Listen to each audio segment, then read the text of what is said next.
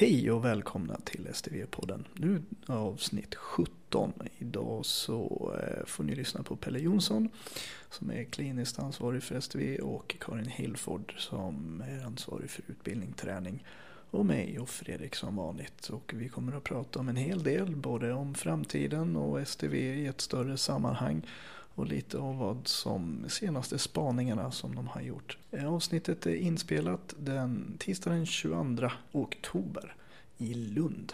Varmt välkomna! Idag är vi jättemånga till skillnad mot sist. Uh, nu har vi fått två gäster med oss och tänkte vi kunde börja uh, kort presentera er, eller ni får presentera er själva. Pelle?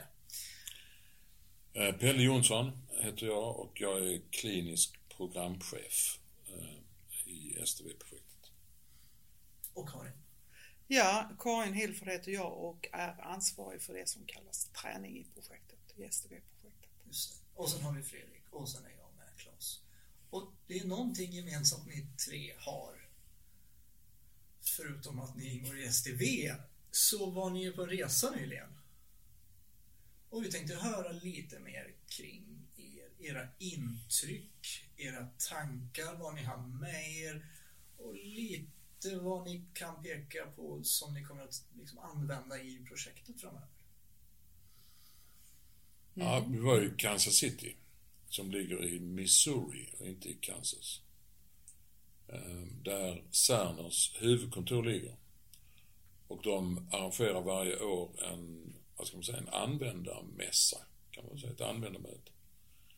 Som var lite mindre i år än i fjol. För jag och Karin var där även i fjol.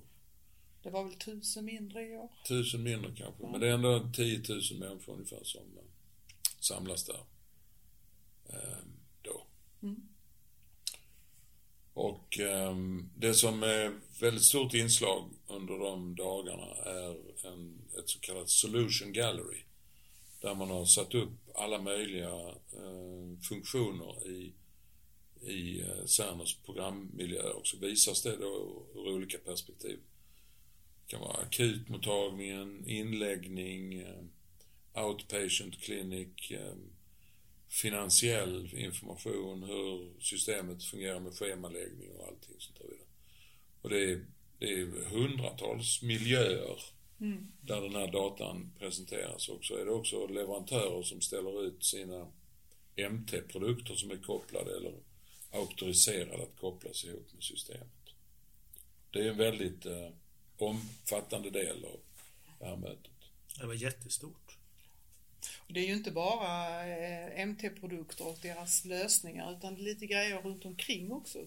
Som till exempel transformation och change management, de koncepten. Och det var en eh, monter i år som faktiskt inte var där i fjol som handlade om träning också som jag besökte. Just det, berätta lite mer. Mm. Nej men redan, eh, det, det, är också så att när den här konferensen startar så är det ofta några stora key session som det heter. Och eh, en av dem eh, var med CEOn Brent Schaffer som ju leder Sörner och den här gången så pratade han lite grann om de nyheter eller det, det utvecklingsarbetet som de hade gjort sedan förra året som kunderna har önskat faktiskt. Och en utav dem som de hade jobbat på, att man har förbättrat sin, eh, sin, eh, sitt sätt att göra utbildning eller träning innan gå live. Och det kallar de för det eh, Learning Journey. Och jag har tittat lite grann på det i Solution Gallery sen och jag är ganska nöjd därför att Colin som jag jobbar med som Learning Lead här, han är, är ju också från Kansas City och har ganska täta kontakter dit så egentligen det han har visat mig kommer från den här nyutvecklingen. Så det som många kunder nu var väldigt nöjda med är egentligen det som vi eh, planerar att lägga upp för att göra den mixade träning som vi ska ja, göra inför Så är vi på toppen igen då? Mm. Ja men precis. Mm. Som vanligt. Mm.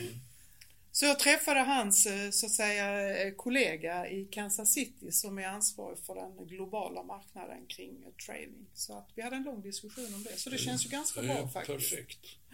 Annars handlade mötet väldigt mycket om um, i somras annonserade partnerskap med Amazon och uh, Amazon Cloud som heter då Amazon Workstation.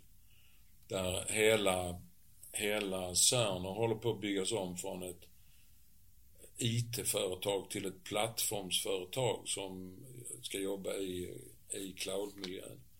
Och det där är ju väldigt eh, väsentligt för den framtida utvecklingen. Och samtidigt måste man då konstatera att, att eh, cloud-debatten i Sverige har ju mest handlat om Transportstyrelsens eh, röjda information och eh, därav olika myndigheters tolkningar av lagarna där man konstaterar att man inte, att man, offentlig verksamhet inte kan vara kopplade till cloud av den typen, publika cloud. Men det är ju helt nödvändigt för vår framtid att vi kommer in i publika cloud för det finns ingen möjlighet att bygga upp en sån kapacitet som, som eh, behövs i ett så kallat privat cloud. Det finns inga pengar i världen för att kunna göra det. För det är, inte, det är inte bara ytan att lagra informationen, det är också allt som är kopplat till med datakraft, möjligheten att använda datan. Så jag tycker ofta den här cloud-diskussionen blir rätt så skev, för det är inte den fysiska platsen som är det intressanta, utan det intressanta är vad man kan, hur man kan processa och använda datorn. Och då måste man vara ett, ett mål för att det ska funka av datakraftsskäl. Um, Bernd Schaefer, han sa ju det att uh, den samlade den samlade datan från hälso och sjukvård den är så stor nu så att om man skulle lagra det på iPads och stapla dem på varandra så skulle man nå 80 000 miles upp i himlen och det är en tredjedel av vägen till månen.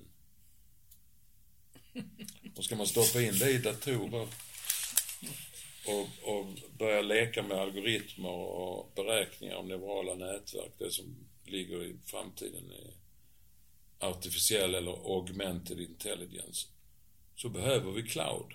Det går inte att göra i, i någon annan miljö. Nej. Vad, eh, vad har det för någon bäring på oss, på Region Skåne? Ja, det, bäringen är ju att vi har valt en leverantör som har ett så otroligt eh, säkrat utvecklingsfokus framåt. Och eh, Eh, Eh, med det partnerskapet med Amazon som är ju världens ledande cloud-operatör. Eh, det finns andra, Microsoft, Google eh, med flera. Men Amazon står i särklass tror jag. Så har vi ju en möjlighet att följa med i den utvecklingen och få ta del av de nya möjligheter som erbjuds i form av kanske sjukdomsprediktion. Eh, de relaterade ett, eh, en eh, sån här, vad ska man säga, prediktion man hade gjort med neurala nätverk. Man hade tränat ett nätverk med hjälp av 216 000 patienter varav ungefär 21 000 hade hjärtsvikt. Tränat nätverket på att känna igen hjärtsvikt och sen plockade de ut 3 000 slumpvis utvalda patienter och förutsade med 92% säkerhet vilka av dessa patienter som inom 15 månader skulle få hjärtsvikt. Och får du den typen av data så har du ju möjlighet att, att eh, vara proaktiv och kanske förhindra att någon får hjärtsvikt. Men då behandlar vi ju inte ett tillstånd utan vi ser till att man inte blir sjuk. Och det är precis så vi måste jobba framåt. Men det kommer ju göra, jag fick bara en association, det kommer ju förstöra hela, alltså hela läkarutbildningen, sjuksköterskeutbildningen, hela, hela sättet vi tränar våra blivande kollegor som vi själva är tränade. Det är bara utifrån när det, när, när det är fakta, när det är faktum. Nu föreligger sjukdom. Här, det här kommer ju liksom skruva runt hela... Ja, det blir jobbigt nu. Alltså jag tror att det här med, det här som diskuteras så ofta, det här med läkekonsten. Vad är läkekonsten? Va? I, till skillnad från då vårdprogram och algoritmer och beslutsalgoritmer så är läkekonsten är ju den samlade erfarenheten som en, en, en, en läkare som har exponerats för väldigt många patienter kan ha och ge vederbörande någon form av intuitiv känsla för, för när saker och ting är rätt eller fel. Och eh, jag menar, det finns ju inte, det finns ju inte en människa på jorden som kan hålla 216 000 patienter i, i minnet. Va? Men, en, men ett cloud kan. Och det innebär alltså att vi får kanske en AI-hjälp att hitta prediktioner och annat som är mycket, mycket mer värt än den mest erfarna doktorns intuition. Mm. Det här är jätteintressant. Eh, var det något mer annat ni plockar upp? Eh, kan nästan prata mer om AI och moln och så vidare, men konkret eh, till STV-projektet nu närmast framöver. Eh, jag tyckte att jag hörde ganska många sessions som jag var på att man eh, eh jobbade med alltså utbrändhet. Att, eh, ja men absolut, mm. att, att eh, vi skulle redan nu i vårt program kunna fundera på hur vi kunde förebygga det. Så att vi inte kommer i det läget som kanske kunderna i USA och andra delar av världen är i att eh, systemet producerar så mycket olika alerts kring olika saker och eh, då har ju Sörner i alla fall utvecklat ett, ett verktyg som heter Smartzone. Och eh, jag stod ju och sa det här i tisdags på morgonen och då fick jag genast ett sms från Åsa Bondesson i Medication som sa att det verktyget tittar vi redan på och vi jobbar redan med att försöka minska alertsen som kommer från läkemedelsdelen. Så vi så... identifierar någon form av risk med införandet av STV? Mm. Mm. Men, men, det är ju lite grann så att eh, när man upptäcker vad man kan göra i systemet så, så är det lätt att vara okritisk och säga att vi måste ha larm för det, vi måste ha larm för det, vi måste ha larm för det. Så att jag hörde på en föreläsning också och det var, det var ett sjukhus, man hade 950 olika larm. Som alla måste kvittera eller att de har sett och de, det var ju en helt ohållbar situation. Så att de hade ju då börjat rensa i det där. Så att de hade ju omedelbart tagit bort 30 procent av de här larmen och kunde ta bort ännu fler. Så man måste nog vara väldigt kritisk mot det här. Eh, och ibland i, i medicinen så har vi ett liksom, något slags behov av att det ska vara fullständigt och det ska vara sant och det, allt ska med och så där vidare. Men man måste nog vara lite kritisk till um, vad är nödvändigt och vad är verkligen bra och vad, vad, vad är det som förändrar vården av en patient. Det var inte... väl också så att eh, Sörner hade sagt till de här organisationerna att de skulle inte ha så många alerts men man hade inte brytt sig om den rekommendationen därför att man tyckte man var så unik och behövde de där alertsen så att säga. Så att, eh, hur, ly lyssna på Sörner Hur blir det hos oss? Bestämmer Fredrik eller sjukhuschefen i Ystad eller hur gör ni? Jag får inte bestämma. Alltså vi jobbar ju på, vi jobbar ju lite grann på hur eh, Eh, hur en framtida STV-förvaltning bör se ut för att den ska liksom kunna fatta bra beslut som är väl förankrade inom vårdorganisationen och eh, att det blir ändamålsenligt med tanke på hur vi arbetar i vården. Vi, vi kan väl säga att vi har väl redan idag stött på en del eh, sådana diskussioner där, där både administrativa vårdverksamheten och, och de kanske de finansiella begreppen, de konkurrerar lite grann med varandra när det gäller design och funktionalitet i systemet. Och då, då eh, gäller det i första hand att vi organiserar systemet så att det passar vården och organiserar det så att patienterna får bra vård. Och sen får vi liksom lösa de andra delarna med administration och, eh, och eh, ekonomi de ska lösas de också, men de kommer liksom i andra hand efter det att vi har satt ner foten och, och fixat organisationen för, för patientverksamheten. Eh, man måste, man måste sätta ner foten någonstans och sen, sen blir det beroenden som blir ganska tydliga och så får man hantera dem i nästa omgång. Och där, där har ju Sörner är duktiga på att hantera finansiella data eftersom det är ett amerikanskt bolag. Så det får de ju till, men, men jag tror att man måste börja i någon ände. Och, och för att förstå, jag skulle bara vilja beskriva också kort varför är det så joxigt att få ihop det här? Jo, för idag är våra system helt separerade. Patientdata ligger i ett och sen ligger allt vårdekonomi och administration i ett annat. Och sen flyttar man lite emellan. Men därför är båda kunnat få utvecklas bredvid varandra. Och så kommer inte sjukvården fungera. Vi kommer inte låta, ingen kommer kunna få utvecklas vid sidan av något annat, utan allt måste utvecklas tillsammans. Ja. För vi har ett system. Nu har vi haft 800 och då kan tusen blommor blomma, men, det kommer inte funka. Mm. Något annat spontant? Jag var lite imponerad av det här Albert Health vi träffade, du och jag, Kari. Eh, De håller på att mejla oss nu, vi får se vad det tar vägen. Men de hade ju implementerat på tre Vilka är det? sjukhus. Det är tre sjukhus i Australien som för fyra år sedan hade allt på papper. Två år sedan hade de allt på papper. Karin har sitt på papper. Ja, hon har sin post-it-lapp med sig. Ja, det är väl fint. Ja, den löser allt. Eh, jag, jag tyckte det var spännande att höra och eh, jag har sagt det innan och jag måste säga det igen. Vi har kommit långt i Sverige. Många sjukvårdsenheter ute i världen är fortfarande på papper. Eller har precis lämnat papperna. Det är då också därför det är lite extra svårt för oss, för det tycker vi nog ibland. Eh, för att vi behöver hitta den här balansen. Vi har ju faktiskt redan varningar i våra system. Men Melior varnar om man skriver ut vissa kombinationer av läkemedel och så vidare. Eller om det finns en, en varning som är inlagd för allergi.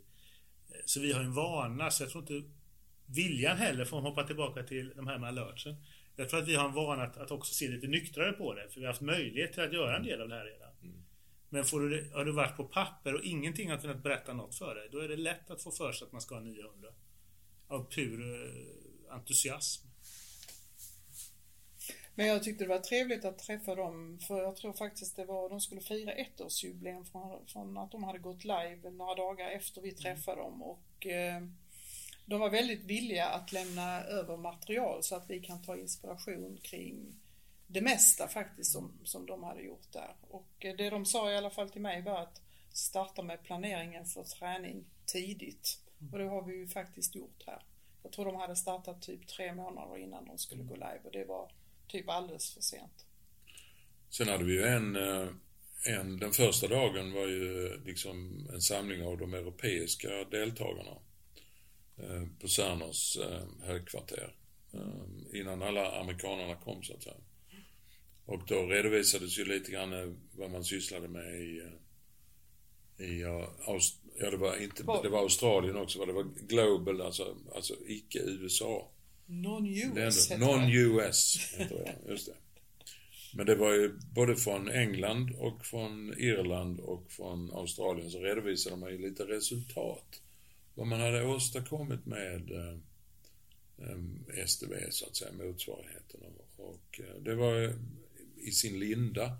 Men det var ändå ganska intressant att få höra hur de jobbade framåt i alla fall. Och det hoppas jag att vi också kommer att göra. För de som har kommit längst, ligger de ett år för oss? Eller vad, hur, vad kan vi jämföra med? Nej, du vet att det finns ju, det finns ju, ehm, det finns ju kliniker som är med från 2006 Och ännu längre. och ännu längre bak. Alltså Cerner började ju som ett labbsystem 1997, 98. Men jag tänker STV-motsvarighet, eller kan man inte jämföra så? Nej, Alltså de har ju, man har ju releasat modul efter modul. Alltså, så att nu är det ju 2018-version som, som är ute. Va? Men det finns ju det finns ju moduler från 2006 som fortfarande används. Va? Och det är ju lite grann ett problem för Cerner också det här med att, att de lanserar nya produkter. Men för att du ska kunna använda den nya produkten så måste du vara uppgraderad till 2018 version 2 eller något sånt där. Va? Och så finns, sitter det många kliniker idag som sitter på gamla versioner och inte har uppdaterat sig. Och det är också en av de sakerna som ju löses med cloud. Det vill säga att när man är i cloudmiljön så, så blir det inga uppgraderingar för då är man hela tiden på sista versionen. Alla delar ju cloud. Nej, men jag fick intrycket, även om många har varit med länge, så är det rätt få som jag lyckades springa på i alla fall, som verkligen har tagit hela kakan som vi gör. De har ofta mindre Ja, delar. ja, men de kan ha läkarens dokumentation, någon hade bara läkemedelsmodul, någon hade bara remisser och svar och så, hade de, och så strategin var att bygga långsamt en modul Alla- per år. Men, men det såg ju du och jag Karin också Ja. när vi var i England för ett par år sedan. Att vi kom till sjukhus som av ekonomiska skäl hade fått liksom vänta till man har pengar och så köper man en modul och så vidare. Och de hade varit liksom konstant i roll-out mode i tio år. De var jävligt trötta. Och de var inte klara. De var inte De klara saknade än. vitala Ja. funktioner som, jag tror det var remisser och Ja. svar på ett Så sjukhus. även om, vi, även om vi gör ett, ett hästjobb nu och gör allting och ska rulla ut allting på en gång. Så, och det blir jobbigt för verksamheterna också att ta emot allting och, och börja arbeta med det, så tror jag att vi, vi, kommer, vi, vi får göra en stark insats och sen kommer vi att vinna väldigt mycket på detta. Och vi kommer att uppleva den vinsten ganska snabbt. Så lite om jag hör vad ni säger så är det lite svårt att jämföra Skåne och vårt projekt med någon annan del av världen rakt av. Vissa har jobbat mycket längre med vissa delar. Andra ser vi att vi ligger on track, eller så vi, vi är rätt på spår. Vidare. Men det finns ingen sån blåkopia att jämföra oss med som har gjort. Vad skulle Veterans göra för någonting? Kommer ni ihåg det? Jag lyssnade lite på dem det var väl nästan samma tror jag. Men de hade väl några delar utanför ändå. De var lite, tyckte jag, oklara på den punkten. Ja. I sina presentationer vad det egentligen var. För jag är lite nyfiken bara. Vad är det som har gjort att vi är där vi är idag? Hur kommer det sig att vi sitter här i ett, i ett hus i Lund och jobbar med alltihopa samtidigt? Och varför sitter jag med tre stycken från kliniska världen framför mig?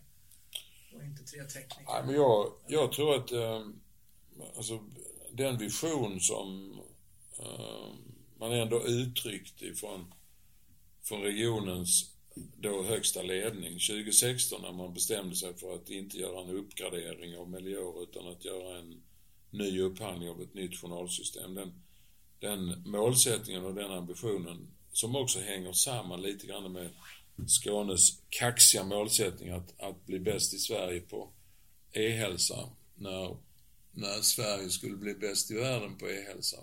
Det vill säga att Skåne ska bli bäst i världen. Ehm, det är ju en inte helt, det är inte helt ovanlig skånsk attityd. Men, men i alla fall. Och den gjorde ju att liksom på något sätt upphandlingsdirektiven och det sättet som upphandlingen bedrevs handlade ju om att beskriva Skånes behov. Uh, och det, det är på Skånes behov som, uh, som uh, leverantören har beskrivit sina lösningar. Va? Och därför så är det ju väldigt mycket som ingår i det paketet vi har köpt. Ehm, det är ju det är mer än en gång som chefer på Cerner har, har varnat oss lite grann från att liksom, liksom ni kan inte sätta allt igång samtidigt för att det blir för mycket. Men nu är vi ju nästan på väg att göra det i alla fall. Ja, men det finns ju egentligen inte ett alternativ. För vi kan ju liksom inte vi kan ju inte göra som något sjukhus sa, att, att sjuksköterskorna dokumenterar ett och läkarna ett annat. Nej. För att vi är redan integrerade. Mm. Eller som något annat gjorde, att de hade läkemedel kvar på papper så, tills alla ja. kunde systemet och sen slog man på. Ja. Alltså det skulle vara en sån tillbakagång, ja. både kvalitet... Men det ju, kommer ju massa saker med när vi, när vi talar om en modul i STV som ska ersätta en liknande modul i Melior så hänger det ju med så in i bomben mycket mer mm. i den modulen. Så att det blir ju mycket större eh, omfattning av det här. Ja, speciellt eftersom systemen pratar med varandra. Det, det gör ju inte våra nuvarande system. Nej. Och det är väl egentligen det som också ställer till det. För helt plötsligt börjar systemen prata med varandra. Ja. Så att vi upptäcker också att det här blev inte så bra. Men det, men det var också väldigt tydligt när vi... Jag satt ju med i eh, styrgruppen för upphandlingen. Och eh, styrgruppen var iväg i Pittsburgh på studiebesök på eh, bland annat barnsjukhuset i Pittsburgh som är ett så kallat HIMS 7-sjukhus. Man har alltså i princip inga papper. Och um, det, det var ju ett uh, fantastiskt uh, liksom möjlighet att se någonting som, som ligger helt annorlunda och mycket längre fram än vad vi var. Och det är ju mot den verkligheten som vi kanske sen, det är det vi ser framför oss, den visionen att, att komma dit här.